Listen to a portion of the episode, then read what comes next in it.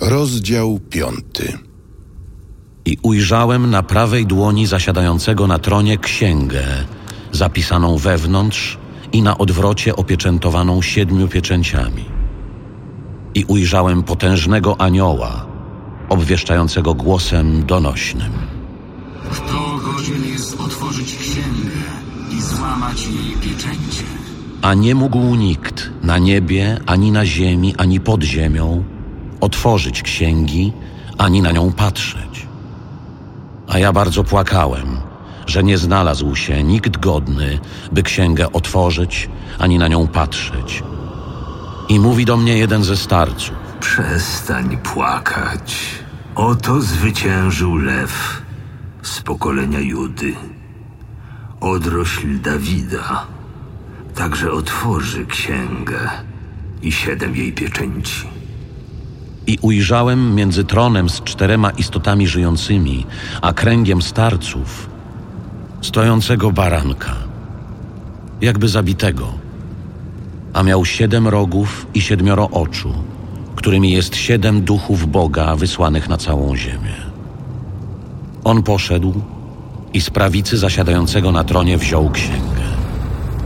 A kiedy wziął księgę, cztery istoty żyjące i dwudziestu czterech starców upadło przed barankiem.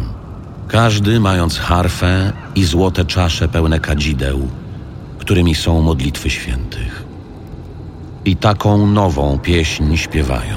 Godzien jesteś wziąć księgę i jej pieczęcie otworzyć, bo zostałeś zabity i krwią Twoją nabyłeś dla Boga ludzi z każdego pokolenia, języka, ludu i narodu.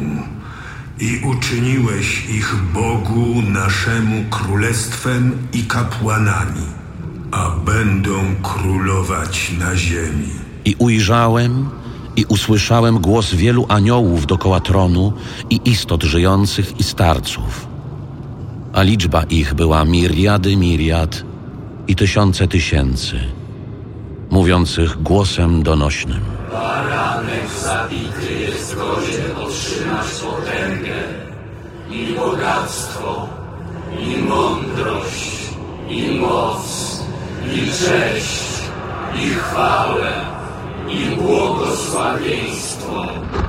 A wszelkie stworzenie, które jest w niebie i na ziemi i pod ziemią, i na morzu, i wszystko, co w nich przebywa, usłyszałem, jak mówiło. Zasiadającemu na tronie i barankowi błogosławieństwo i cześć, i chwała, i moc na wieki wieków. A cztery istoty żyjące mówiły. Amen. Starcy zaś upadli i oddali pokłon.